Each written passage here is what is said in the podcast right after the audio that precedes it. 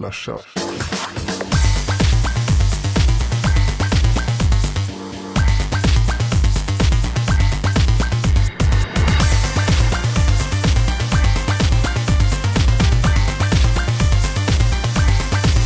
Slasha. Då har vi hämtat oss efter show 100. Detta episka event som ja, gick till, stod till handling, gick till handling. Var, hur säger man Jesper? Inträffade. Inträffade, tack så mycket. För exakt en vecka sedan, det vill säga tisdagen den 15 februari 2011. Vi firade 100 avsnitt tillsammans med er och hade en episk jättetävling som vanns av glada människor. Vi gav bort eh, box i boxar och eh, massa, inte Xbox 360 men likväl eh, Black Ops till just Xbox 360. Men den här veckan är det en ny vanlig vecka Jesper. Ja, nu blir det en sån Vanilla slashat här. Gud Där vi går tillbaks till eh, To the Roots. Lite sådär när artisterna har gjort ett sånt eh, experimentellt eh, album. Nu är vi tillbaks eh, till där vi började och gör det vi ja, inte kan bäst. Det, det, är väl, det är väl att ta i, men det vi tror vi kan. Ja, precis. Och ni som hängde med och såg förra veckans show vet ju om det att vi har utökat familjen då med två nya glada killar, det vill säga Johan och Magnus. Och ni som undrar, ska de vara med idag? Så vi sa vi det att de kommer dyka upp lite när som liksom de platsar in så att säga. Eh, Kotten är ju exceptionellt duktig utvecklare och Android-kille medan Magnus lite mer prosument, heter det va? Prosumer har vi ju valt att kalla oss. Mm. Prosumer. Det innebär att han kan eh, konsumentprodukter som en, ja, en fläskläpp kan vi säga. Så de dyker upp till och från här nu under våren. Resten av livet hade vi tänkt tror jag. Oj, vilken press. Nej, men det är till exempel Magnus har ju tweetat det som en galning innan showen. Gillar vi. Ja, Ja, men- uppskattat, uppskattat. Så är det. Så var det med det. Och vi ska också ge oss in då i som Jeppe sa, en helt vanlig slashat. Och en vanlig slashad blä, börjar ju med att vi kör pollen Jeppe va? Poll, poll, poll, poll, poll. Um, var la vi den? Pollinering. Där la vi den. Jag har... jag har... eh, I made a boo-boo, Tommy. Nej, vad har du nu gjort Jesper? Nej, det var faktiskt inte så farligt. Utan jag, har, jag har tagit med alla svarsalternativ, men jag fick inte med frågan. Men det var ju faktiskt så att eh, Magnus var den som fick leverera våran poll för denna veckan. I 100-showen där. Den blev lite hastigt påkommen där. Vi hade nästan glömt inkludera den. Men eh, rätt ska vara rätt. Ska det vara en poll per vecka, då ska det banne mig vara en poll per vecka. Och denna veckans, som har varit, heter det, eh, poll, eh, där frågade vi helt enkelt. Vad använder du huvudsakligen din mobil till? Och ni fick en jäkla massa alternativ. Och på en första plats med 25% av alla röster hamnade vi på surfa. Eh, 22% på sociala nätverk. 20% på ringa. Och sen har vi ett, eh, ett hopp ända ner till 10%. där Vi har sms, vi har eh, lyssna på musik på 8%. Vi har annat på 6%, kolla mail på 6%, spela spel 2%, 1% har ingen mobil. Och 0% eh, fotograferar fotograferar. Eller Ja, har det- den huvudsakligen för att fotografera. Ja, precis. Jag, och det, jag är lite förvånad att surfa kom över ringa. Jag tror faktiskt ringa fortfarande skulle vara den huvudsakliga uppgiften som man använder sin mobiltelefon till. Men grejen är väl att våra lyssnare, de som har röstat då, de är förmodligen väldigt teknikcentrerade. Och då blir det väl att man har en smartphone för surfandet då Jesper? Ja, om jag tar och tittar på de här presenterna mot hur jag själv använder Jag ringer väldigt, väldigt lite på min telefon. Det är eh, nästan bara nätverksamhet och eh, då hamnar väl i och för sig surfa. Och jag tror till och med sociala nätverk skulle hamna längst upp för min del. Det är Twitter, det är Facebook och, och, och, och mail skulle hamna högt upp också. Sen kanske spel. Ringa är nog inte långt ner förrän jag skickar nog sms ofta när jag ringer till och med. Så att eh, och fotografera skulle nog komma lite längre upp. Men jag kommer inte ihåg vad jag röstade. Jag tror jag röstade på, på surfa. Fast det kanske skulle vara sociala nätverk. Vad röstade du på? Kolla mejlen. Kolla mail. Ja, det är alltså, om, om det finns någonting jag gör konstant, och den, den pushar väl i och för sig, så är det att jag huvudsakligen kollar min mail eh, på resande fot med mobilen naturligtvis. Visst, när man sätter sig vid en dator så kollar man ju på mailklienten i Gmail eller någonting. Men nej, men eh, det, det var ett stort steg för mig när jag gick hoppa på smartphone-världen och insåg att... För jag har ju kämpat i så många år, som du vet Jesper, att få in min mail i telefonen. I allehanda W710i-varianter och sånt där. Har inte alltid varit helt enkelt. Nej, det har inte varit det. Det, det slutade med att jag byggde ett eget WAP-interface mot en IMAP-server. Och då funkade det hjälpligt i alla fall. Men så skaffade jag mig en iPhone och då, ja, då, då kände jag att hmm, det här är ju ganska, eh, ganska revolutionerande idé just att man det, det fanns en vettig mailhantering och det har ändå hängt kvar. Så att jag, jag skulle säga att jag använder mailen huvudsakligen faktiskt till att Vänta nu, använder mobilen huvudsakligen till att kolla mejlen. Hur dumt det än låter. Svara på mejl och den biten. Och sen kommer nog för mig surfa. Och sen kommer nog sociala nätverk. Sen kommer nog musik. Ringa. Alltså, jag tror jag ringer kanske... Ringer, folk ringer väl till mig, men jag ringer ut kanske fem till tio samtal i veckan. Ja, jag är nog där om inte ännu lägre faktiskt. Men det mm. visar lite på vad vi, vad vi är för sorts personer helt enkelt. Mm. Men om man nu mejlar så mycket.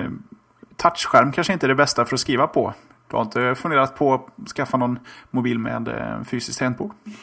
Nej, inte direkt. Alltså, inte det är väl bara Sony Ericsson som kommer med OÖ tror jag. Så att det är väl ett alternativ och då är det väl automatiskt uteslutet kanske. ja, precis. Xperia-serien där. Nej, men alltså jag skulle kunna tänka mig att prova det i alla fall. För att eh, ja, men det skulle nog kunna funka. Men jag, jag, jag vet inte. Nej, jag är nöjd med touchskärm. Det funkar hjälpligt tillräckligt. Ja, det, det, det, gör att man inte skriver onödigt mycket i sina mejl. Man rakt på sak sådär. Har inte mm. tid att och, och, ja, måla konst med ord. det var väl som veteran Kevin Rose sa att världens bästa e-mail-hack det är att alltid ha med footern sent from my iPhone eller from my iPad eller from my ja, phone. För då folk tycker det är okej okay att mejl är lite kortfattade om man skriver på mobilen. Så även i hans vanliga mejlklient under en period så hade han då sent from my phone. Det är fyndigt Jeppe va? Ja, det är sant. Mm. Jag har i och för sig tagit bort den foten. Man kanske ska lägga till den. Mm, I mejlen. Då kan man svara hur kort som helst även på jobbmejl. Klockrent. Sent from my Sony Ericsson. no. ja, då kan man ju formulera det hur kort som helst. Ja, det står Steve kommer undan WeMac.se säger det här. Och det är verkligen så. No. Punkt. Sent from my iPhone. Mm. Enkelt. ja, precis. Det var förra veckans podd. Ska jag kanske redovisa, eller inte redovisa, utan faktiskt förklara om veckans podd? Ja, så kan du redovisa denna veckans mm. poll redan nu så är det ju om inte annat imponerande. Men eh, kan vi ge dem alternativen först i alla fall. Jag börjar med detta. Eh, veckans poll handlar om tv-apparater och vad du har för tv hemma.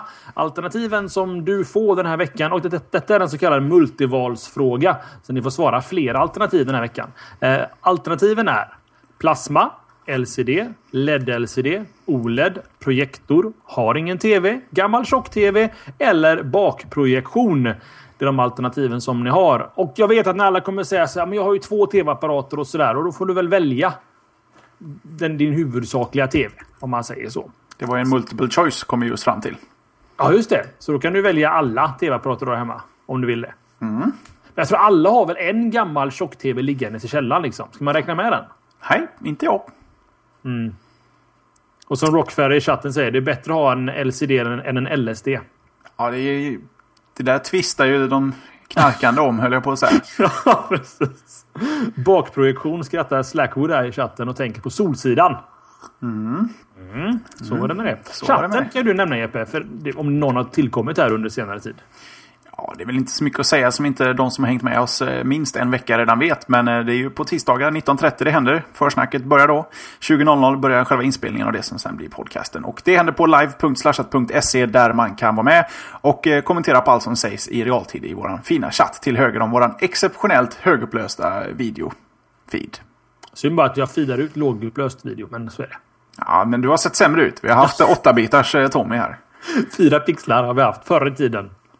Så, så är det med det. Så vill ni ha den här kompletta upplevelsen som alla tjötar om så ska den definitivt komma en tisdag kväll och faktiskt vara med oss live. Ni kan ju kommentera och vara med i chatten och hela den biten. Det är trevligt så det förslår. Men nu är det dags Jeppe tror jag att hoppa in i showen. Va?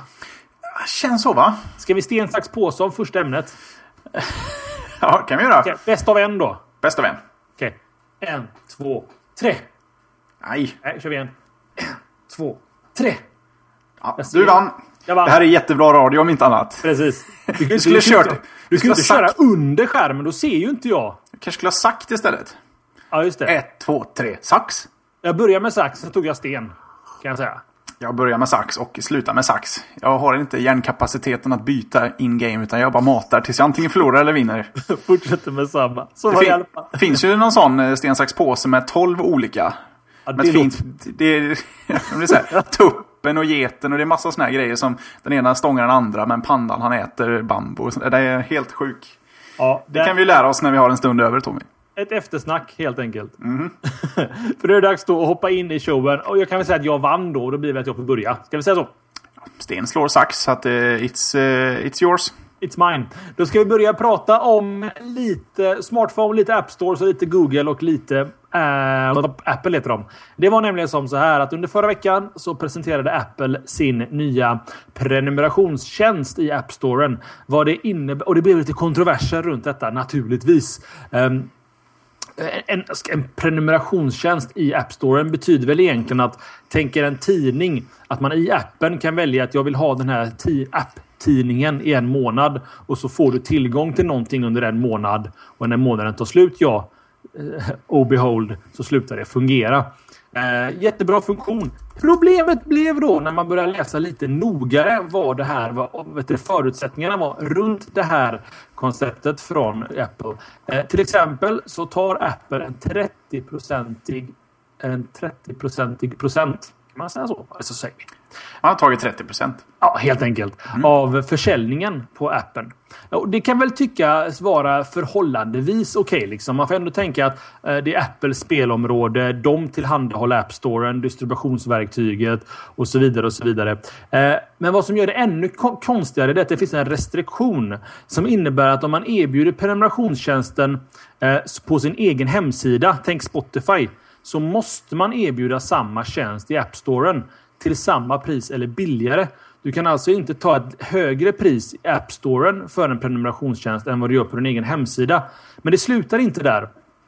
Utan det betyder också att med de nya villkoren får man inte längre länka till sin betalsida i appen. Det betyder alltså att du får inte ha i Spotify-appen att du kan gå till Spotifys hemsida för att starta en prenumeration och köpa den utanför appen. Och till exempel så var det en sajt som Kottkrig kan i chatten här som man kan skriva när han får tid att höra detta. Readability um, kanske? Thank you. Precis. Som åkte ur App Storen just på grund av detta. Att de ville ha en, en remote uh, prenumerationstjänst. Um, så det är lite, jag vet inte, vad, vad säger du som ändå är lite iOS-killen här Jesper? Vad, vad, hur smakar detta? Alltså, jag, jag, vet inte. Först och främst så åkte jag utomlands i ett par dagar lagom till de här nyheterna eh, började spridas. Jag har faktiskt inte läst på det där så, så det är hopplöst mycket. Men eh, om, om, om, det, om det är som du förklarar att Spotify i princip måste erbjuda eh, deras abonnemang direkt inifrån telefonen också till samma pris eller lägre. Fast mm. då tar Apple 30%. Um, ehm, så förlorar de på att ha prenumerationen i appen. Men då får inte länka i appen till deras externa prenumerationstjänst. Så de kan inte göra någonting. Det är rätt många sidor som går bet på det här då egentligen. Ja, egentligen. Alltså, tänk tidningar till exempel. För att många tidningar skulle till exempel kanske vilja ha fysiska prenumerationsmöjligheter i appen. Eh, att du vill ha hem GT eller GP hem till din dörr. Mm. Och beställa genom appen. Men det får du inte göra då. Jag vet inte. Det är, det är trist för utvecklare. För oss konsumenter så spelar det ingen roll om det inte är så att det går igenom. Och det är ju alltid kul när det blir, blir, kostar lika mycket eller billigare för oss kunder och inte dyrare i alla fall. Eh, men eh, jag vet inte. Det här, jag tror att det här är en sån lite ny teknik som vi, vi har liksom inte riktigt löst hur det ska hur det ska gå till. Men jag tror att det där kommer nog sätta sig ganska snart. Eh, vad som ska anses vara standard. Eh, men eh, visst, det, det är taskigt att kasta ut programmen men det har ju Apple eh, gjort förr. Ehm, jag har alltså, inte så mycket mer att säga. jag vet nej, inte. Grejen är så här jag, jag, kan ju ställa mig på Apples sida också naturligtvis. För att jag, jag, kan förstå hur de tänker. De tillhandahåller hela plattformen, hela distributionsnätet. Um, kunden kanske inte ens skulle ha tillgång till tjänsten om det inte vore för appen. Liksom. Jag tror många laddar ner New York Times-appen till sin iPhone även om man inte har läst tidningen innan bara för att det är en bra app. Och då menar, menar Apple på då att just tack vare att de egentligen levererar kunden till eh, apptillverkaren och ja, prenumerationstjänstförsäljaren så ska de ha 30-procentiga grejen här. Och det är helt okej. Okay. Alltså, jag tycker det är helt okej okay, tänk av Apple. Men jag tycker det blir lite, lite motsägelsefullt när man förbjuder att länka ut till externa prenumerationstjänster. För, för att då, helt plötsligt så, så, så dikter, de får gärna diktera i sin App Store. Det, det, är deras App Store. De får stänga av den imorgon ifall de tycker att de, de tröttnar på den. Det är helt okej. Okay. Men man kan ju inte säga till Spotify att ni får inte länka ut ur våran app in i Safari. för att få folk att skapa prenumerationstjänster. För rent praktiskt så folk loggar in med sitt Spotify-konto. Det Spotify-kontot autentiseras ju i Spotify servernätverk. Det innebär att att de, man skulle lika gärna kunna gå till Spotify.com, köpa premium till sitt konto och när man loggar in med kontot i appen så förstår appen att ja, du ska ha full tillgång. Så jag tycker det, jag tycker, det, det, jag tycker synd om Spotify för de tappar 30% av hela sin omsättning, omsättning nu egentligen. På att ha en, en, en iPhone-app. Ja, i alla fall för de som, eh, som eh, köper tjänsten via den. Mm. Ja, men, ja, precis. Och, det, och du får inte lov att köpa tjänsten utanför. Fast då funkar ju inte Spotify överhuvudtaget. För Spotify är ju inte en iPhone-app från början. Det är ju faktiskt en desktop-programvara. Eh, det är där man, den man köper oftast. Sen så skaffar man iPhone-appen för att dra någon nytta av premium-modellen. Men eh, det verkar som att det, det, finns lite olika bud här. Mm. Chatt, chatten är med och snackar här. Att det råder stor förvirring kring Apples regler. Och eh, Steve Jobs hade uttalat sig, eller vad var det? Ja, det var Filve som skrev det i chatten här. Om du läser, upp, eh, läser ikapp på det Epe, så ska jag berätta om Googles eh, egna eh, prenumerationstjänst som kom dagen efter Apples prenumerationstjänst. Eh, Google kallar sitt för Google One Pass. Det, eh, om, om det är briljant marknadsföring eh, vet jag inte, men det var bokstavligt talat en dag efter Apple släppte sin nyhet om prenumerationstjänsten. Så det hann bli sån här kontroversen och så kom Google och sa att men vi Ehm, har inga begränsningar. Eh, gör vad ni vill, eh, men det är egentligen i princip samma system. Utan då begränsningarna. Eh, Google säger inte hur många procent de tar, om de ens tar procent. Men något citat någonstans säger 10 procent. Eh, om appen köps då genom OnePass. Nej, förlåt mig. Om prenumerationstjänsten köps genom OnePass. Eh, om det, det, är inte confirmed då, så vi vet inte. Men fördelen här är då att eh, om man tar Spotify-exemplet igen då, så får de jättegärna länka till en, deras externa betalningstjänst i Google-appen. Det, det, är inga problem alls någonstans. Eh, jag läste också i här själv när jag pratade. Det är en teknik jag har utvecklat under åren här. Eh, och Det står nämligen så här också att för att, för att Spotify ska slippa ge Apple 30% av kakan måste användaren registrera sig genom Spotifys egna sida. Men, men Spotify får inte lov att länka till den sidan i appen. Hänger du med? Mm. Så att, och det, då, då, då, ja, då, känns det väl kanske okej okay, liksom. För då menar ju Apple på då att om vi ger dig kunden genom en app så får inte du ta kunden ut från oss och ta betalt av kunden och sen kommer kunden tillbaka in till oss. Hmm.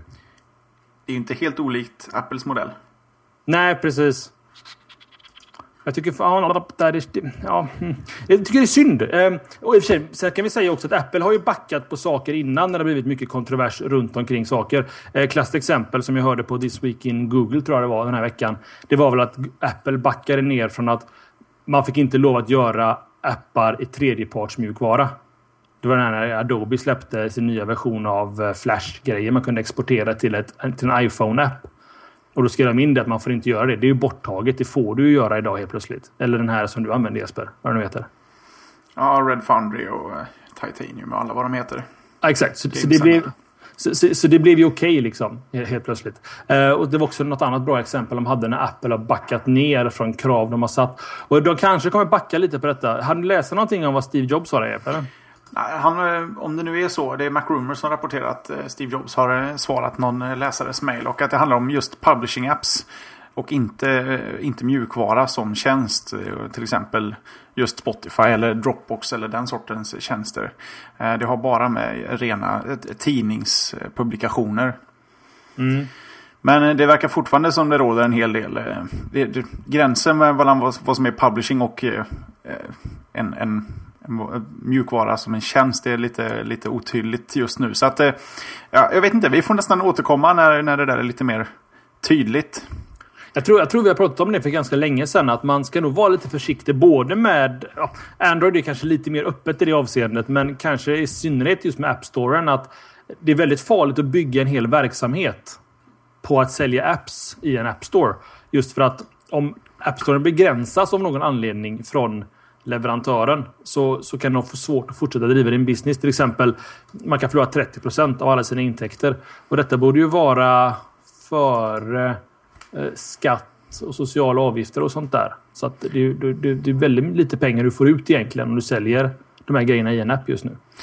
Å andra sidan, eh, utan appen så missar du ganska mycket marknadsvärde eh, just nu också. För att det, vi har ju ändå fått, det märks ju att det finns utvecklare som drar in rätt rediga pengar på App Storen.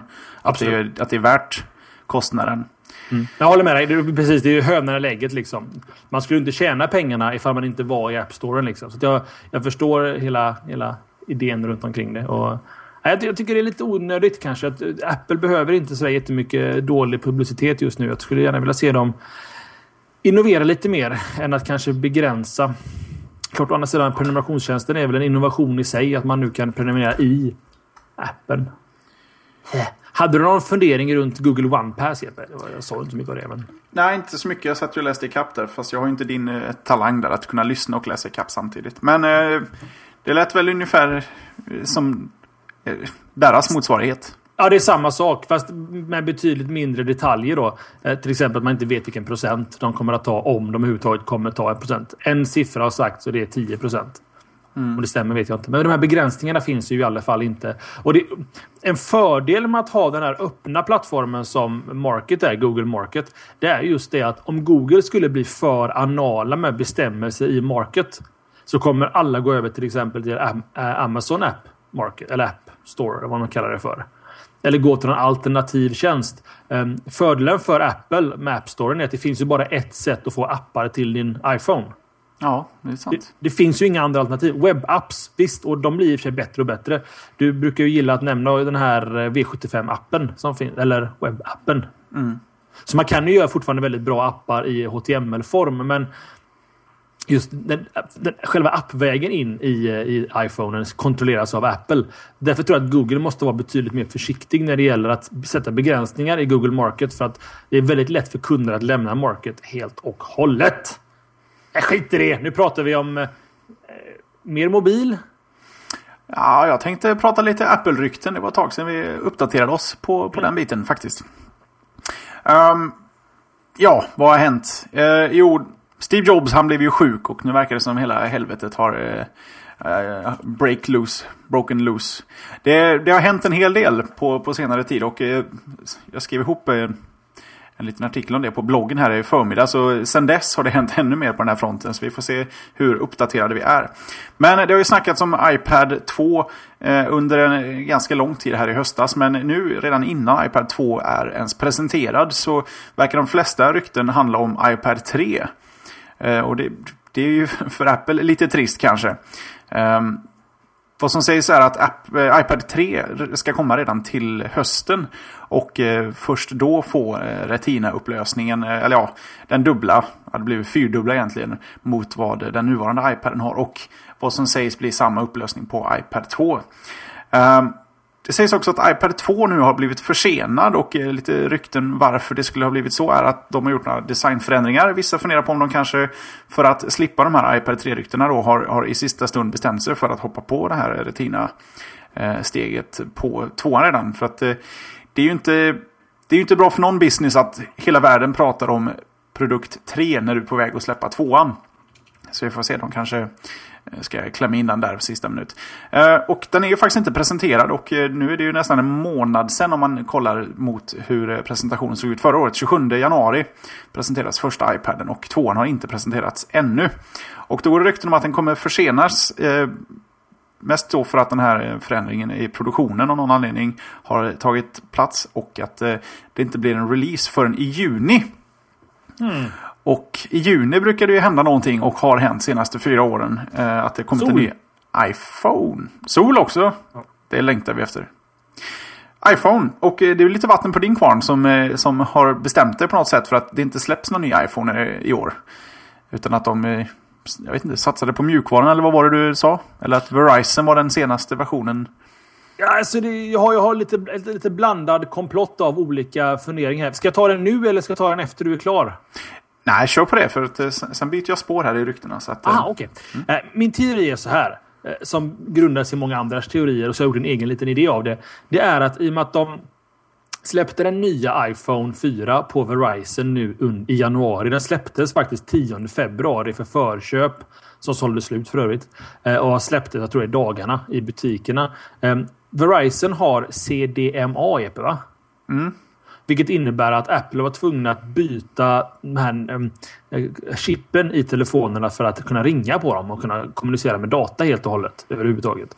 Så att ur en teknisk syn så är det i princip en ny iPhone 4 de har gjort. Eh, utan extra funktionalitet. De har bara bytt ut några komponenter. Och jag tror som så här. Jag tror att AT&T, eller jag vet att AT&T i USA är väldigt dålig täckning på många ställen. Så många vill köpa eh, Verizon-iPhonen. Problemet är att väldigt många har kontrakt som går ut i sommar. Så alla sitter och väntar på om det kommer en iPhone 5. Vi kallar den för 5 nu bara för enkelhetens skull. Och Det kommer innebära att när sommaren kommer och Apple säger det kommer ingen iPhone i år så kommer alla de som har varit på AT&T som har väntat in den eventuella iPhone 5 köpa den nya iPhone 4 på Verizon för att få bättre täckning och för att få bättre, ja, jag vet inte, pris, ingen aning. Det, ja. Eh, så Apple kan safea undan en iPhone-version och vänta i kapp till eh, 4G är igång ordentligt i USA, det vill säga nästa sommar, inte nu utan nästa sommar igen. Och då släpper de iPhone 4G. Till båda plattformarna med 4G-chip istället och någon form av ja, halvdan 3G.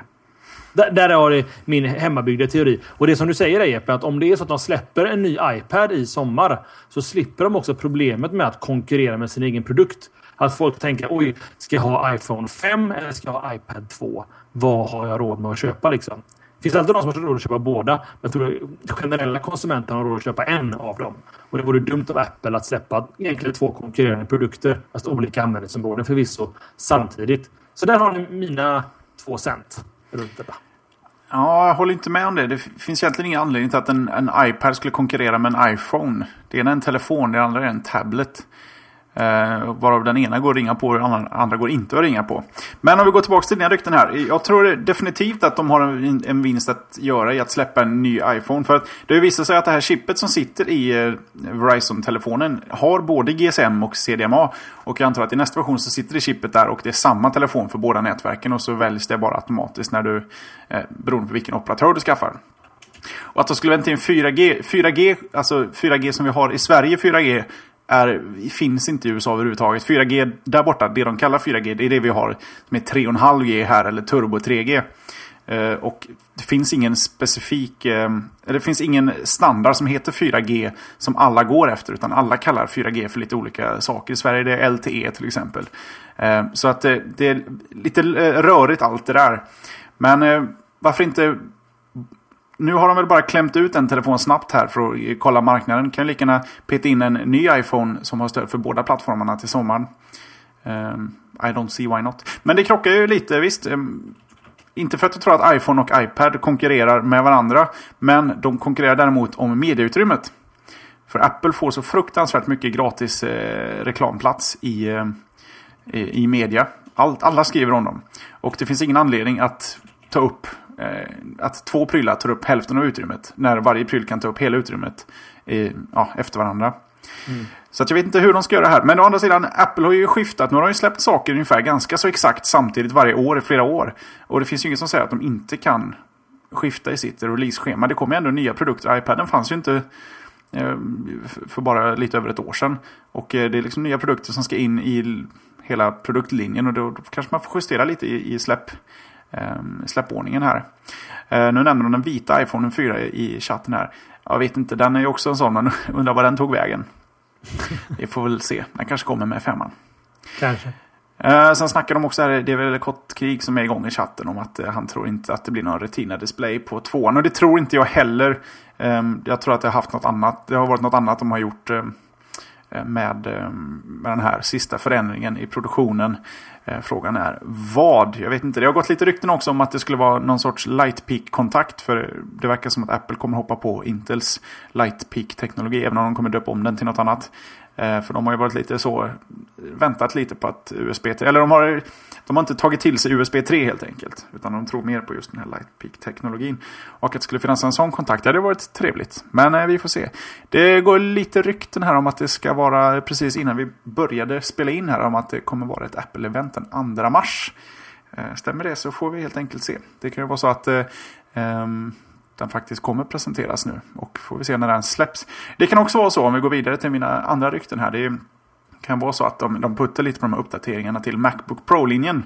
För att eh, de lagren runt om i världen på de här datorerna är nästan tomma. Och ska du beställa en från deras hemsida nu så får du vänta flera dagar. Och det är kanske bara upplagt så att eh, de väntar med att sälja datorer tills de har presenterat de nya. Och eh, på den fronten så, så snackas det också om att det ska ramla in den här Lightpeak-teknologin. Eh, Och även de här nya Intel-processorerna som har varit lite fördröjda på grund av något litet fel. De här Sandy Bridge-processorerna. Eh, det snackas även om lite större trackpad och att eh, de kommer köra SSD-disk för systemet i kombination med en hårddisk.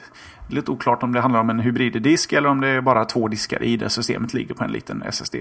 Eh, jag är ju on record sedan tidigare att system på SSD-disk det är the shit.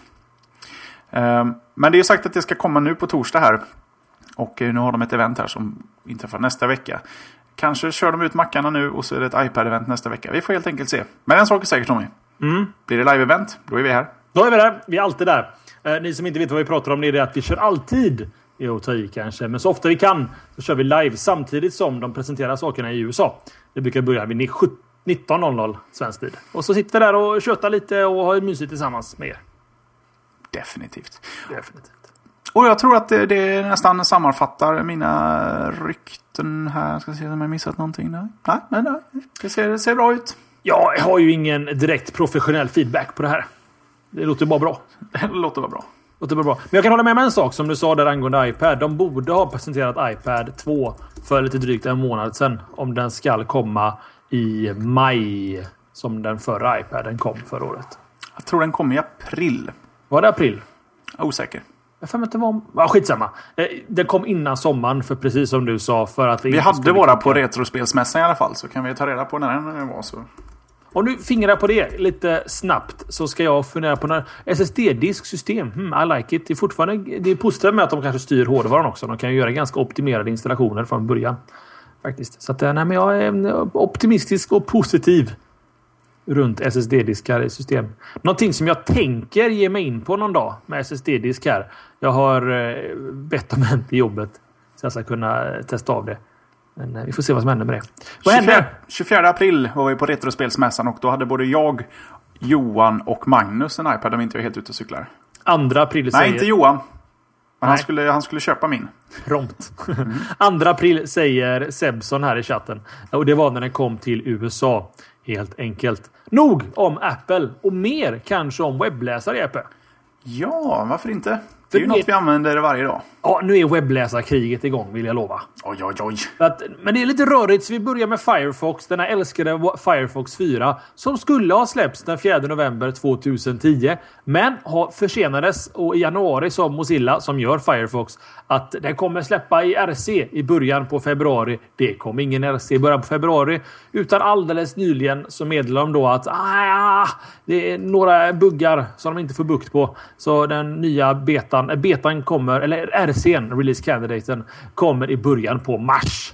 Då ska 4 komma ut. Betaversioner har ju funnits ganska länge av Firefox 4.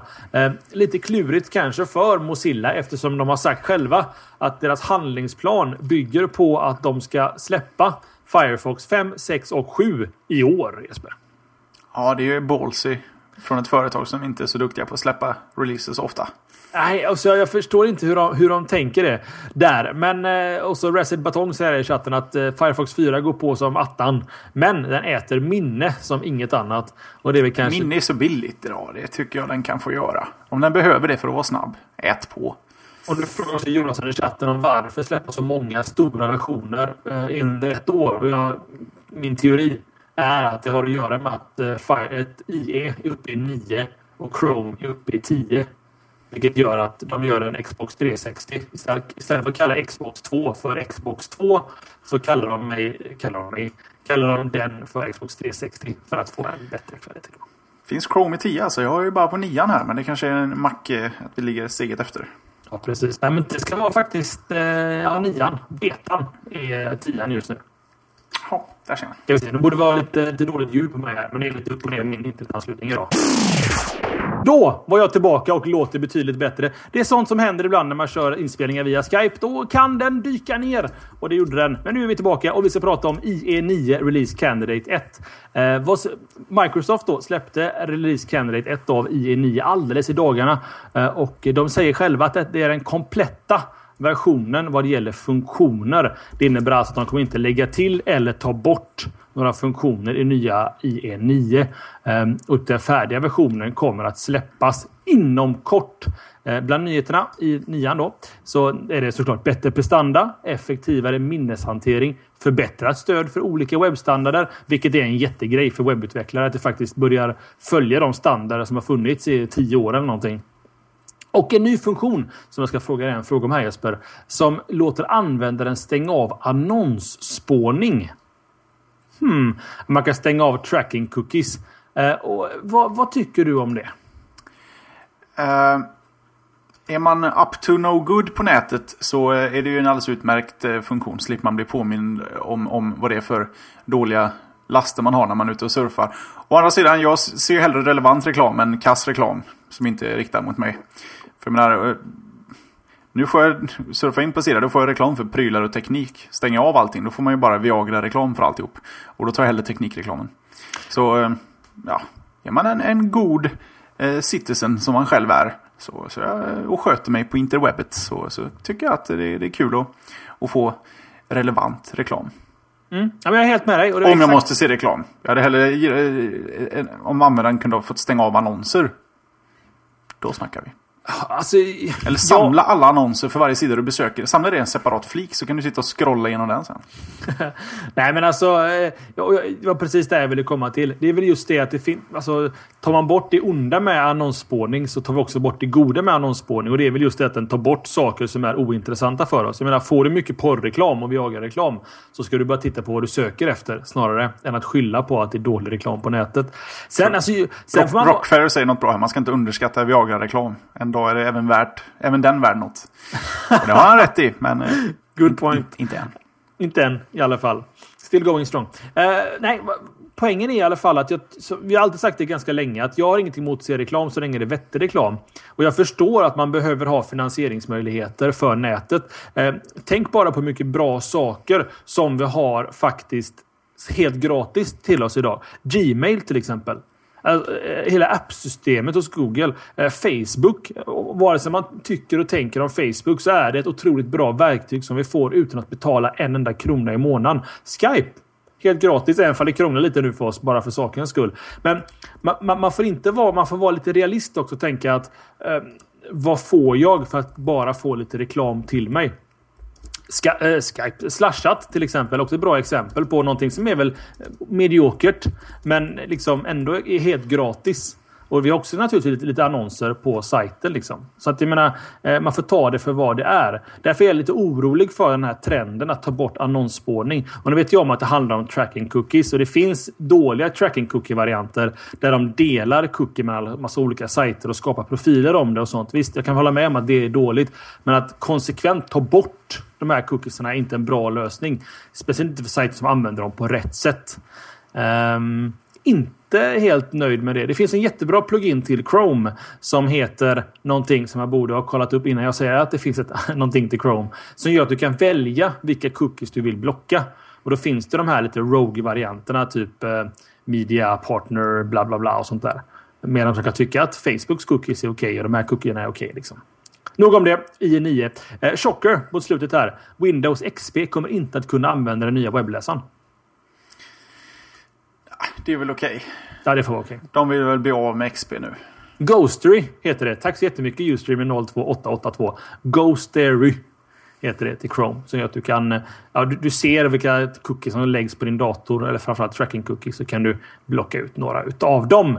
Sist och minst, fast bäst kanske, beroende på vad man tycker, så har vi Chrome som är uppe i beta 10. Eh, och det är helt enkelt eh, ni, eller vi kan väl kalla, vi som kör beta-releaserna av Chrome. Eh, sa du att du hade nian Jeppe hemma? Ja, jag hade den här major-releasen eh, 9.0.597.102. Mm. Jag Den senaste stora. Eh, då- Det förklarar varför du inte har about flags som jag snart kommer komma in på. Det är bara 10 som har den och det är bara beta-streamen som har den.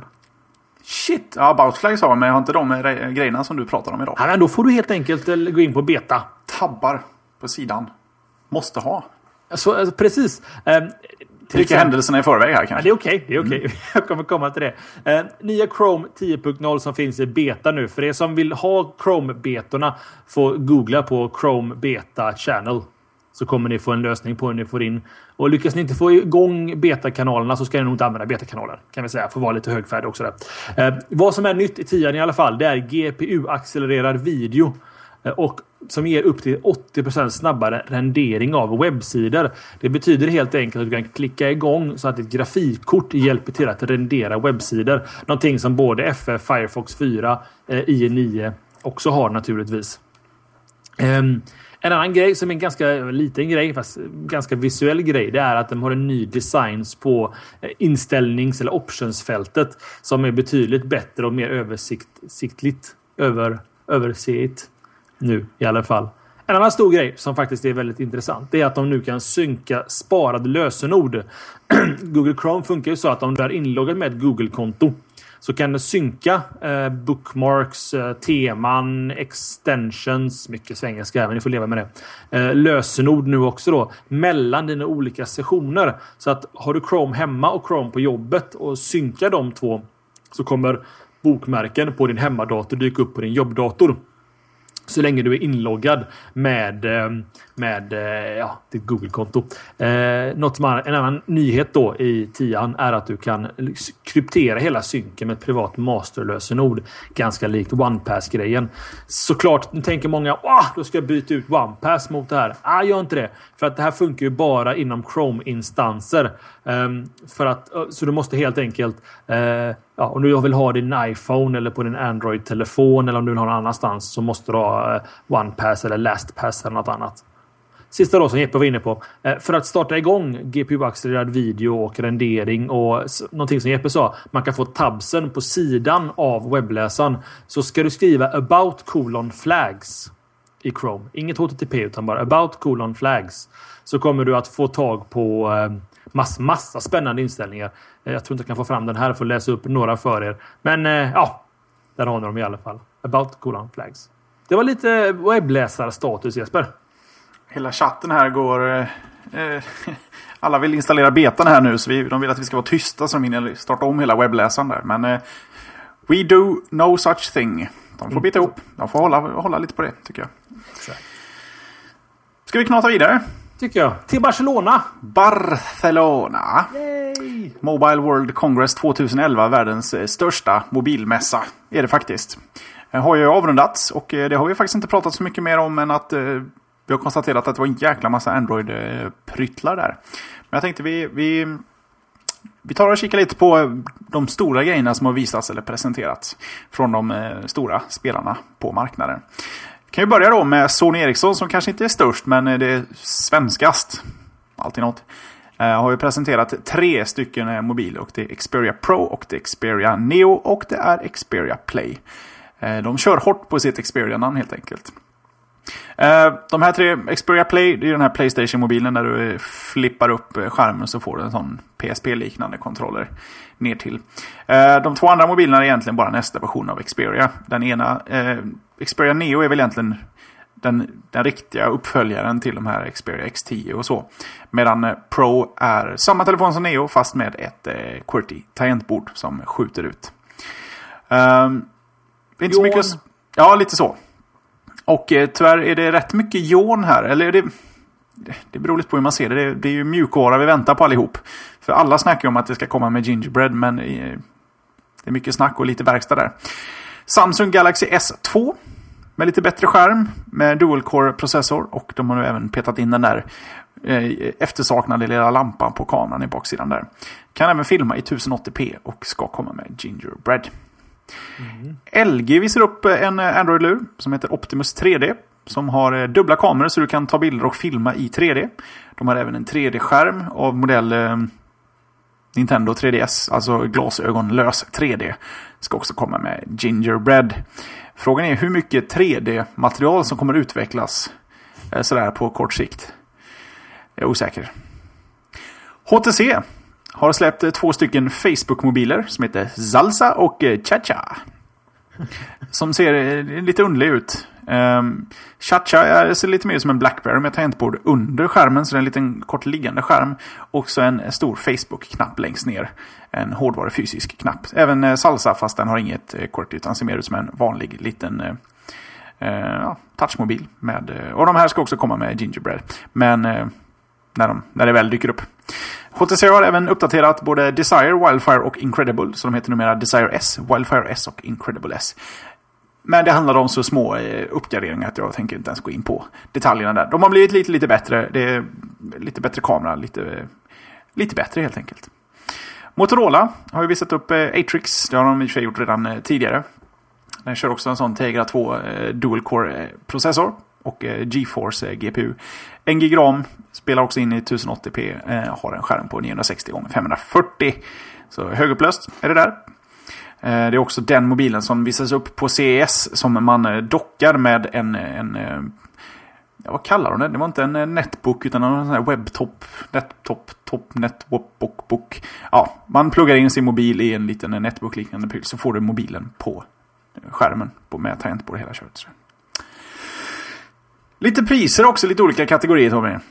Mm. Best Mobile Device, iPhone 4. Device, okay. device Manufacturer of the Year, HTC. App of the Year on the Apple Platform, Rovios uh, Angry Birds. Uh, Best Mobile App gick också till Angry Birds of Rovio och App of the Year on the Android Platform gick till Google Maps. Eller Googles Google Maps. Antar att de tänkte den nya där med sitt flasha 3D-interface. Du har ju bytt mobil. Det här är ju sjukt ointressant för dig. Nej, det här är skitintressant. För hela Mobile World Congress är väl egentligen, eller vad det nu är, det är ju en stor Android-fest Jesper. Ja, I år ja. Nästa år är ju alla de här lurarna nedlagda eller uppdaterade sex gånger. Så. Jag ska läsa om dina grejer här och ha lite mer, lite mer backstory på några av de här. Kör. Xperia Play. Det är den här så kallade Playstation-mobilen som äntligen har lanserats. Eh, vad det innebär är helt enkelt att eh, Sony har släppt ett Playstation-ramverk för Android-telefoner. Och då tänker de specifikt naturligtvis då på tablets med Tegra-chip i sig, eller Tegra 2 Dual Core med GeForce. Eh, vad det betyder är att du kommer att kunna spela Playstation 1-spel på din Android-telefon inom en snar framtid. Eh, och man, man skulle kunna tro att Sony Ericsson i vanlig ordning skulle säga att Jep, bara på Sony Ericsson-mobiler. Suckers! Det sa de inte. De sa på alla Android-mobiler som stödjer då de här hårdvarukraven som finns. Så eh, man skulle i teorin kunna köpa sig en, eh, en Xoom den här svendyra Motorola-tableten som ingen kommer vilja köpa i sommar och sen kunna spela lite sköna Playstation 1-spel på den. En annan intressant grej är att de kommer försöka bygga ett ekosystem för att kunna utveckla nya spel för Play-serien. Men även de kommer att funka på andra Android-telefoner och tablets, vilket gör det jätteintressant. Ehm, vi pratade om det här i höstas, minns jag Jesper, och då sa vi det, eller jag sa i alla fall att jag hoppas att Sony går den här vägen. Att försöka etablera sig som den största speltillverkaren för mobiler och tablets. För att jag menar, titta bara på eh, i App Storen för iPhonen hur stort spel är. Bara att eh, Rovio vann bästa Mobile-appen och eh, Angry Birds bästa spelet. Liksom. Det, det finns en jättemarknad där och det gäller att få in bra utvecklare. Um, för att kåsera eller filosofera några steg extra så, så känns det som att um, Nintendo behöver inte släppa en eh, 3DS 2. 2 eller vad det nu blir. Utan det räcker att Nintendo går över och börjar utveckla Android-spel. Eller ta i trä iPhone-spel eller iOS-spel. Det spelar liksom ingen roll. Jag tror att vi kommer att se mer och mer spel på våra handhållna enheter. Speciellt med de nya tableterna som kommer. Ursäkta mig. Även iPhone. Eller vet de, eh, iPad naturligtvis. Ehm, en annan jätteintressant sak var att i Q&A med eh, vad heter han, Erik Schmidt så sa de att eh, Gingerbread kommer att bli Ice Cream och det här är jätterörigt för jag som inte inblandad i det. Men att man kommer att kunna köra Honeycomb både på mobilen och på tableten. De kommer alltså inte bygga två serier som det diskuterades av Android. En för tablets och en för telefoner. Utan båda kommer funka på eh, respektive. Det innebär alltså att, som jag förstått det då, eh, med lite nypa salt, för det finns liksom ingen 100% roadmap för exakt vad Android kommer vara om ett år. Som man vet om i alla fall. Eller allmänheten vet om. Det är just det att um, Ice Cream, nästa version efter Gingerbread, kommer att ha eh, Honeycomb-grunden i sig fast vara byggd för telefoner. Det är också den versionen som alla tablets kommer köra. Till exempel Atrix och även Zoomen eh, missar de, misstänker de. Som Kottkrig skriver här. Ice Cream är lika med Gingerbread plus Honeycomb. Um, så, och sen kommer naturligtvis alla tillverkare, HTC på sin flyer, kommer att bygga sitt eget interface på Honeycomb. Men det var skönt i alla fall att höra. Jag var lite rädd för att det skulle bli ytterligare en fragmentering. Hej, fragmentering är inget negativt egentligen. Eh, att man har en tablet Android och en eh, telefon Android. Men det kan bli en Android-plattform för båda. Vilket låter jättepositivt. Um, Salsan och Chacha. Du sa att det var Facebook-mobiler. Men vad som är ännu mer intressant är att, att antingen Salsan eller Chachan botar in i Facebook. Eh, den har, alltså ena har en Facebook-knapp men den andra, hela telefon-UI i telefonen är Facebook. Du kan inte lägga till egna kontakter i en kontaktbok i själva telefonen utan du lägger till dem på som en Facebook-kontakt. Du kan bara ringa folk som du har i dina Facebook-kontakter som har ett telefonnummer attachat till sig. Skicka sms går inte utan du skickar Facebook-meddelanden mellan konton. Det är väldigt spännande men kanske inte så, så coolt. Men jag kan tänka mig, är man 14, 15, 16 och lever i Facebook som jag tror många ungdomar gör idag så kan det vara en kick-ass egentligen telefon om den kommer in på rätt prisnivå. Um, vad, vad, vad, tror du om det Jesper? Ja, du ser lite skeptisk ut. Ja, jag är lite skeptisk. Um... Men, men tänk, dig, tänk dig målgruppen. Tänk dig liksom lilla Men gjorde inte, gjorde inte Microsoft det här med sin KIN-serie nyss och det gick åt pipan efter sex veckor. För övrigt så rullar väl Android på de här så man kan väl göra precis vad man vill. Ja. Inte skicka sms. Det jag har svårt att tänka mig. Ja, ja, fast du menar på då att man, man ska inte behöva ha operativsystemet som ligger bakom. Och det är väl en av kanske styrkorna just med Android-grunden. Det är väl det att du kan bygga saker på det här som kör den här mjukvaran mot hårdvaran men interfacet är någonting annorlunda. Och de har valt att ha uteslutande Facebook. Jag tycker det är intressant. Det är ingenting för mig. Jag, jag skulle spy över det. Och eh, Jonasson här i chatten skulle... Han har ju inget Facebook-konto killen. Så att han kommer ingen vart med den här telefonen. Vi lär inte se honom en salsa eller en cha-cha i, fickan. inte än i alla fall. Men eh, idén gillar jag. Jag tycker det är spännande. Helt enkelt. Eh, sista grejen jag skulle vilja prata om lite bara jättekort. Det är att vem vill filma i 1080p? Jag vet inte. Crickets. som, som en liten, en liten, ja. en liten slutkläm. Så, att, men, så det var en jättespännande mässa. Eh, I alla fall för, för Android fanboys och fangirls. Eh, det, det, det, är väldigt spännande framtid här. Eh, och som ni som tittade på show 100 så sa jag lite fräckt att man kommer att kunna få köpa i Sverige en, riktigt, eh, en tablet som är bättre än nuvarande iPaden för under 2000 kronor. I sommar i Sverige. Som kör Android då. Nu rasslar det till i chatten här om varför man skulle vilja filma i 1080p. Mm. Ja, som, som A1 säger här, det är för det första alldeles för dålig optik för att det ska spela någon roll att köra 1080p. En sån där. Men även privat när jag filmar med de... Eh, jag har 550D till exempel från Canon systemkamera. Den, jag filmar aldrig 1080p med den. Jag kör 720 med den för då kan jag få till lite skön eh, slow motion och såna här grejer. Eh, men jag menar, bild, de här kamerorna tar ju inte särskilt bra bilder. Eh, 720, det känner jag att det, det, är en bra gräns just nu. Kanske i framtiden. Mm. Det är väl lite det jag var inne på samma fundering där. Det är, det är som att man har liksom 10 megapixel i kameran. Skitbra, men optiken är liksom värre än en halv megapixel vanlig kamera liksom. Och sen minne, då är det inte så jäkla mycket minne på de här telefonerna. Jag menar, ska du filma 1080p och få plats med mycket så måste det ändå komprimeras. Då kan man lika gärna köra lite mindre komprimerad 720 i så fall. Tycker jag. Mm. Men vi kanske ja. bara är gamla och bakåtsträvare. Nej, men det, det, kan vara så att vi, vi börjar bli grumpy old men naturligtvis. Men ja, i alla fall. Jag ville bara fördjupa några punkter där eh, som var intressanta. Jag tror att he, hela Tablet, vi pratade också det i förra showen här när vi kåserade om året som kommer att komma. Tabletmarknaden kommer att se väldigt, väldigt spännande ut eh, till vintern. Man kommer uteslutande att prata om Android Tablets för vintern. Där har vi den. Där har vi den. Jag har en liten fråga på den här Xperia Play. Vad, vad, är det tänkt att den ska leverera? För, vad, vad är spelen till mm. den? Ja, det är spel. Det är blandade, blandade småspel. Men det måste ju finnas någon... Spelar den gamla PSP 1 eller PSP Go-spel? Eller spelar den eh, NGP-spelen? Eller ska den här bara köra PS1-spel? Nej, nej, nej, nej. Alltså, den kan köra PS1-spel och det är väl det de trycker på som en feature på den. Men det Men, kommer komma specifika spel för den här mobilen? Nej, utan det kommer komma specifika spel för Androiden. Och de menar på då att de har byggt... En, det, alltså, ni som inte vet hur Xperia Play ser ut. Man, man skjuter ut en Playstation-kontroll i princip under telefonen. Och de vill profilera sig som den huvudsakliga spelhårdvaruplattformen för... Ehm, um, vi har inget ljud Jesper. Eller har vi ljud? Jo, vi har ljud. Ja, ah, bra. jag tror Ustream har lite problem idag. Eh, tillbaka i alla fall att eh, Xperia Play, att det ska vara liksom en, en, en huvudsakliga spelplattformen för Android. Kollar man på till exempel på det här spelet eh, Dungeon eh, Defenders, Dungeon, Dungeon någonting. Så, så eh, det ser ju jävligt bra ut. Alltså spelen kommer väldigt, väldigt långt på hela Android-plattformen och även iOS-plattformen. Och då ville Sony, Sony Ericsson med Sony-brandet och Playstation-brandet ta sig in och bli liksom den huvudsakliga hårdvaruplattformen för Android-spel. Men ingen får ju stoppa in Sonys eh, Playstation-knappar på sin telefon. Nej, det får Med X och O och fyrkant och trekant. Mm. Så spel för den här telefonen går ändå inte att spela på någon annan enhet.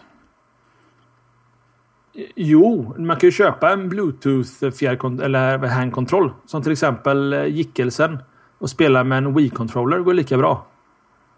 Alltså det, det, kommer ju ganska snart komma hack så du kan köra den här vanliga Playstation-kontrollen i en Android-telefon. Men de kan ju inte släppa en Playstation-mobil för att spela Playstation-spel som sen ska funka på alla andra Android-lurar med hårdvaruspexen. När de ändå inte får sätta dit kontroller. För jag menar, hur många touch-spel släpptes till PS1 om man räknar dem? ja, väldigt få. Det har du helt rätt i. Eh, jag har svårt, svårt att svara på det. Det, det, det finns ju massa kontroll, alltså fjärrkontroller till Android-spel. Alltså, sen att de inte jo, men, får använda jo, ikonerna. Finns det någon normal människa, förutom Gickelsen då, som, som sätter sig på bussen, lägger ner mobilen i knät och sen plockar fram en kontroller, parar ihop och sätter sig och spelar? Det är inte så, det är inte så portabelt, kanske. Det, det, det, tror jag. Men vad jag tror mer också är att de personerna tycker Sony Ericsson ska köpa en Xperia Play. För där har du kontrollen i telefonen. Hänger du med? Det är det som är deras USP, liksom. Deras infallsvinkel. Ja, jag tycker det låter lite ocoolt på något sätt. De, jag menar, de har, de har världens, eh, ett av världens tre största, eh, ja, ett av världens tre enda stora namn på spelenheter som de petar in i en mobil. Och så är det liksom lite oklart vad man ska ha den till tycker jag. Det kunde de ha varit lite tydligare med kanske. Att, att, att, spela på? Jo, men spela vad? PSP, PSP Go, NGP, Playstation 1-spel, Playstation 2-spel, nya All, spel? Alla Android-spel som finns i market idag, plus specifika Playstation 1-emulerade spel. Det... Ja, men det är en Playstation-telefon. Nej, Xperia Play heter den. Mm, men det är Playstation-kontroll. Okej, okay, vi skiter i det nu. vi kan I ta like eftersnacket. Ja, det kan vi göra. Kan jag vi tycker göra. vi går vidare för vi är sjukt långsamma idag. Ja, det är okej. Okay. Eh, ska vi se, då, då jag var inne och hijackade ditt ämne, då har jag ett ämne till här. Ja, det har Sen, du. Sen ska ni få sova allihopa. Eh, och så säger att du inte tagit Årjens Men vi tar det i eftersnacket så ni som lyssnar på podcasten faktiskt missar någonting här om ni vill höra upplösningen på detta rafflande diskussion. Eh, vi ska prata om Twitter eh, och framförallt Twitteranvändandet i Sverige. Innan vi går in på detta ska jag göra världens största brasklapp på att detta är en gammal nyhet som ni förmodligen redan läst om för tre veckor sedan. Problemet, eller glädjen, var att vi hade lite shower emellan och sånt. Så han hade, hade inte möjlighet att få med detta. Men nu har jag med mig, eller med mig detta ämne. Eh, det var nämligen som så här att Hampus Brynolf som är en rådgivare på Intellecta Corporate, har gjort en egen undersökning som påvisar då hur många aktiva Twitter-användare vi har i Sverige. Anledningen till att han egentligen gjorde det här det var att Microsoft gick ut och sa att det fanns ungefär en halv miljon svenskar på Twitter. Varav 195 000 twittrade varje vecka. Han tyckte att de här siffrorna, det är så kallade hittepåsiffror. Som han sa i någon citat här i någon tidning. Det kan inte stämma. Så vad den här killen gjorde, som förmodligen är utvecklare av något slag. Han satte sig ner och funderade på hur ska jag... Nu hittar jag på lite här, men jag tror han tänkte så här. Hur ska jag kunna mäta hur många aktiva svenskar vi har på Twitter? Vad han gjorde var att han, han började analysera tweets som gick runt. Eh, jag vet inte om han följde någon speciell hashtag eller någonting. Um, han använder han ett speciellt bibliotek som försöker räkna ut vad det är för språk saker och ting är skrivet i. Om, om Å, Ä, Ö är med och vissa svenska vanliga ord finns med så kan man ganska lätt räkna ut om det är på svenska. De som han kunde verifiera var, eller som roboten kunde verifiera var svenska börjar övervaka, övervaka med måsvingar runt omkring eh, och titta på vilka andra de följde för att hitta mer svenskar. Det blir som en ganska enkel version av en mask kan man säga att den letar sig neråt liksom för att hitta så många svenskar som möjligt. Om roboten var lite osäker på om det var svenska eller inte så publicerade den det som hade skrivits på twittercensus.se där vanliga användare kunde gå in och förklara för roboten om det var svenska eller inte svenska för att öka träffsäkerheten. För så fort en viss procent eller en threshold, en tröskel, säger att detta är svenska så tror den på det. Eh, och det innebär att då förstår han att den här är svensk och så börjar han leta i den personen som den här följer och personen som följer den här efter fler svenskar. Lång förklaring, men mätningen gjordes under december 2010 och den tog några veckor att genomföra. Totalt analyserade då Hampus Brynolf, eh, eller hans server snarare, ungefär en miljon Twitterkonton. 1 miljon 55 484 konton. Eh, och som var då, ja, det var tiotals miljoner Twittermeddelanden har den gått igenom. Alla de här var ju inte svenska. Eh, det var inte ens hälften av det var inte många som var svenska. Utan han har kommit fram till då, det var att det finns totalt 91 462 stycken svenskar på Twitter. Varav en stor majoritet av de här nästan 100 000 är avsomnade konton. Konton som inte används. 36 000 av de här 91 000 kontona har skrivit minst två tweets under de senaste 30 dagarna. Och endast 11 000 av 91 000 är så kallade, som TKE skriver, Twitter-talibaner. Det vill säga användare som tweetade. Var det minst en gång om dagen Jesper, eller hur var det? Ja, eller var, ja, var det det? det var, eller var det en, en, en gång per vecka? En i veckan ja. tror jag det var. I alla fall vad som kan definieras som aktiva eller väldigt aktiva. Så att Microsoft säger en halv miljon svenskar på Twitter. Den här ja, mer kanske exakta undersökningen visar att det finns under 100 000. Varav egentligen bara 36 000 av de som är aktiva en gång i månaden och endast 11 000 som är aktiva användare. Så det är ganska intressant när man får de här siffrorna framför sig hur litet Twitter är i Sverige. Eh, ni som har följt mina endeavors på nätet vet om att jag och Nisse Bryngfors har en, hade eller har ett projekt ihop som heter forapush.com där man kan eh, sälja en länk för ett tweet. Det låter lite, lite sniket kanske. Men, men tänk dig till exempel att du är en artist och du vill ge bort en låt gratis. Då kan du med For a Push säga att för att du ska få lov att lyssna eller ladda ner min låt så måste du berätta för alla dina Twitterkompisar eller Facebook-följare att du gör det, laddar ner låten och det blir som en viral effekt med detta. Eh, bara några veckor in i vårt projekt här så, eh, så fick vi med en, en ganska intressant projekt. Det var Childhood som gav bort eller donerade 10 kronor för varje person som gör ett tweet om Childhood. Och vi gjorde en enkel kampanj för det genom For Push. Och uteslutande idag så används For Push för att göra detta. Men det blev aldrig några siffror. Jag tror vi totalt kom upp i 4000 som hade pushat det här. Det är i och för sig 40 000 kronor till Childhood. Det är ju jättebra. Men vi båda trodde nog att det skulle bli så otroligt mycket större. Och det sätter ju ganska mycket liksom, verklighet bakom de här siffrorna. Att finns det bara 11 000 som egentligen är aktiva och nästan hälften av dem gjorde våran kampanj. Så, så mm, ja, Jag tycker det finns mycket rele relevans eller verklighet bakom siffrorna. Vad tycker du Jeppe? Tror du det var fler svenskar som pysslade med Twitter? Jag trodde det var fler, det måste jag hålla med om. Men eh, vi som finns på Twitter, vi är ganska högljudda och det är mycket mediamänniskor som finns där och då får liksom eh, Twitter den uppmärksamheten i media och då verkar den väl större än vad den är. Mm. Eh, det är fortfarande lite, i och med att den är så svår att förklara vad den ska vara bra till så... Jag tror det är Obamas fel. Vi skyller på Obama och Aston Kutcher. Eh, grejen är så här, jag, tror, jag tror att Twitter hade inte varit hälften så stort inom media Sverige om det inte vore för valet i höstas. Och att alla tittade på det amerikanska presidentvalet och såg att Obama vann valet mycket tack vare Twitter. Att han fick med sig um, Eh, vad heter de? Eh, arbetargenerationen? Nej. Ja, någonting i alla fall som hängde på Twitter. Han fick dem inspirerade och fick dem med. Och då menar de på att det var det som var del, en del av varför han blev president i USA.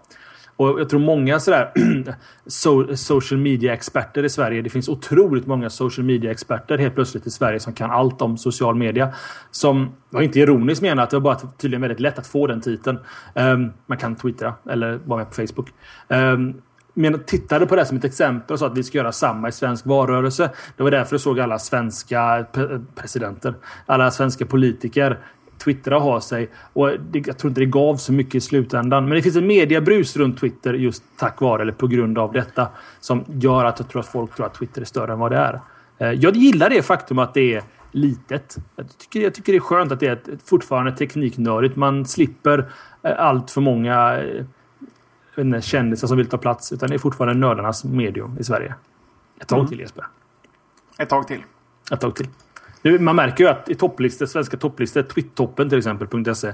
Det, det är ju egentligen bara kändisar som ligger i toppen. För att folk eh, är nyfikna på att följa kändisar, I reckon. Jo, så är det väl. Så är det. Så var det med Twitter. Så var det med det. Mm. Är vi nöjda så? Eller vill, vill du ta ett sista ämne? Jag har egentligen två jättekortisar här. Ta alltså, dem! Mm, vi börjar med den ena. Det handlar om Metro och deras eh, bloggplattform som lanserades eh, för eh, ja, fyra år sedan. Eh, Metrobloggen heter den och eh, ja, den är väl lite som Aftonbladets bloggplattform sådär att vem som helst kan starta en blogg och blogga. Men nu ska Metro lägga ner den. Och eh, de, har, de har gjort det på fel sätt Tommy. Mm. De har 10, 10 000 bloggar Eh, på, på Metrobloggen. Jag vet inte om alla är aktiva, men det är så många registrerade finns där. Men deras meddelande ut till sina bloggare där eh, så har de hälsat att fram till den 25 april har du möjlighet att själv manuellt kopiera eller på annat sätt spara ditt material. Metrobloggen kan tyvärr inte tillhandahålla särskilda hjälpmedel eller verktyg för att automatisk kopiering av ditt material. Så har du investerat eh, tid på din blogg Tommy så är du eh, fucked. Ja, bokstavligt talat. Det här, det här är ju så fruktansvärt illa så det, det går ju knappt att förklara riktigt.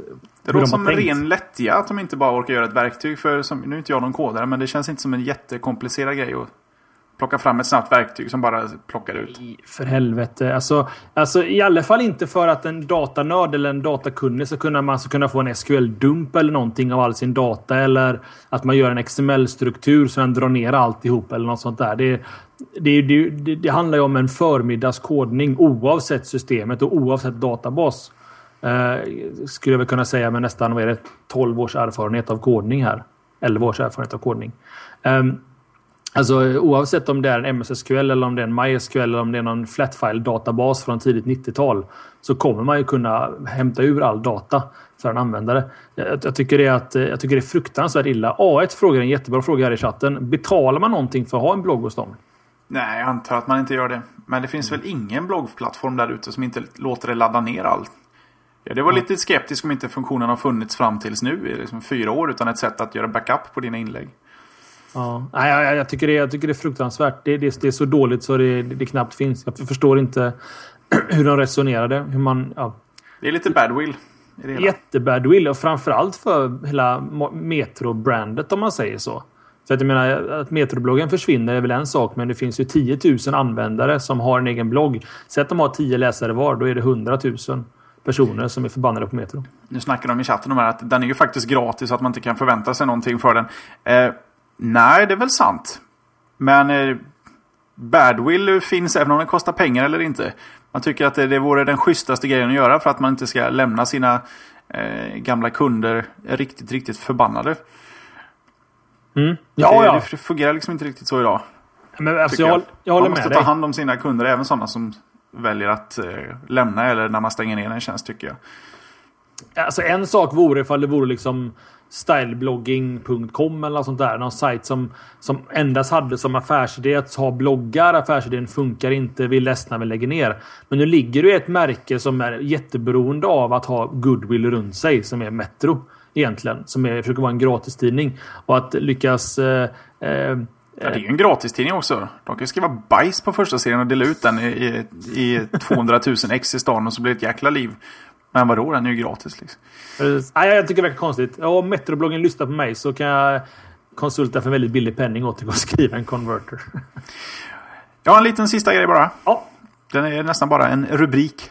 För jag vet att eh, Kottkrig här har snackat om det. Jag fick för mig så här, precis innan vi gick igång här att, att det kanske faktiskt var gamla nyheter. Men eh, Microsoft släpper i alla fall ett officiellt eh, SDK för Windows.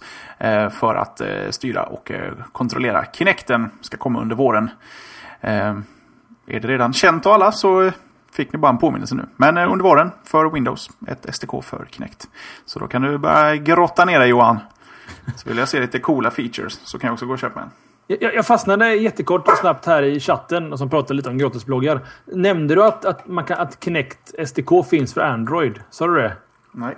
Nej, för det finns. Man kan styra en Kinect via Android-telefonen. Mm, jag pratar om ett officiellt SDK. Det är okej. Från Jag tycker bara det var lite roligt. Ja. Att, att, att det finns ja, innan Windows och innan eh, vad heter det, Windows Phone 7. Så finns det Android. Ja, men det finns ju till Windows fast de är väl inte officiella. Nej. Det har väl rattats fram lite ful, fulhack där. Det är lite kul för att från början så eh, det finns en jättekort liten backstory på detta. Och det var ju att det var ju någon kille, ja en kille eller tjej tänkte jag säga, men det var en kille som, som gjorde en, ett, en, en enkel hack av Kinecten så han kunde styra den. Och Microsoft började släppa runt NDAs och nej inte NDAs utan eh, season desist brev. Att ta bort det här direkt, så här får du inte göra liksom. Eh, och då tyckte alla, nej gör inte samma misstag igen Microsoft. Liksom. Eh, nurture, vårda Eh, hackingkulturen runt era produkter. Det är så ni kommer sälja mer data. En av anledningarna till att, eh, jag tror det var Playstation 2 sålde bättre än Xboxen. Eller om det var vice versa. Det var nog bakvänt. Det var att man kunde hacka ena enheten. Och göra en massa spännande saker. Till, ex- till exempel lägga in Xbox Media Center. på, ja, det var ju Xboxen då, förklaringen här. Att den sålde bättre många anledningar på grund av det. Så att, och det, då lärde sig Sony det till nästa version av Playstationen. Så Playstation 3 från början kunde du köra Linux på. Någonting de tog bort sen. Men det var ju en typisk grej som de kände att herregud, lek med våran hårdvara, ni har ju köpt den. Och jag är glad att Microsoft tog sitt förnuft till fånga och tänkte att hmm, SDK för Windows för Kinect kan göra riktigt coola grejer. Och det kommer det bli. Nice! Och där tycker jag väl nästan att det är dags för oss att börja runda av. Vad tror du? Jag är nöjd. Är du nöjd? Jag är nöjd. Nöjd. Ska jag dra en liten snabb sån recap? Yes sir. kan vi börja i slashat-änden som finns på slashat.se. Där kan ni vara med och rösta i vår veckopoll. Ni kan läsa lite roliga nyheter och eh, kolla upp lite gamla avsnitt och sånt. Vill man vara med i vårt forum så finns vi på forum.slashat.se där vi hjälper varandra och diskuterar allehanda geeky stuff. Vi spelar in lite video då och då. Då finns vi på slashat.tv. Nu senast kan man faktiskt ta sig in dit och se fulla 100, nej inte 100, en timme och 34 minuter långa 100-showen. Eh, rekommenderas. Det blir faktiskt ganska bra. Eh, vi finns på twitter.com slashat och vi finns även på facebook.com slashat. Tommy han bloggar på podsemski.se och han finns på twitter.com Tommy. Jag bloggar på jesper.se och jag finns på twitter.com jesper.se. Det var det va? Ja, mer än så. Alltså, vi, vi finns egentligen på alla sociala nätverk som du finns på. Utom kanske Lunarstorm. Och Buzz. Ja, det, Buzz finns jag på. Ja, men du, du, jag. ja, men du är ju själv. Ja, lite dumt. Jag har satt lite, lite, lite street cred på att Buzz ska slå Twitter. Det känns inte som ett givet bett så här. Uteslutande. Nej, det sa jag inte. Jag säger aldrig mer det ordet. Det är slut nu med det ordet. Det är slut med det. Precis. Och som Jonasson säger Jeppe, cred till dig för tekniken förra veckan. Äh, Jävla bra. Ah, know, det är Mac. Det löser sånt. Ja, ni gör det. Vet ni vad? Vi ska tacka för oss, vi ska bocka och buga och vi är här klara med avsnitt 101 101 av slashat.se, din machete i Teknikdjungeln. Han lystrar till Jesper och jag brukar lystra till Tommy. Ni får ha en trevlig vecka. Ha det gott! Hej! Slashat.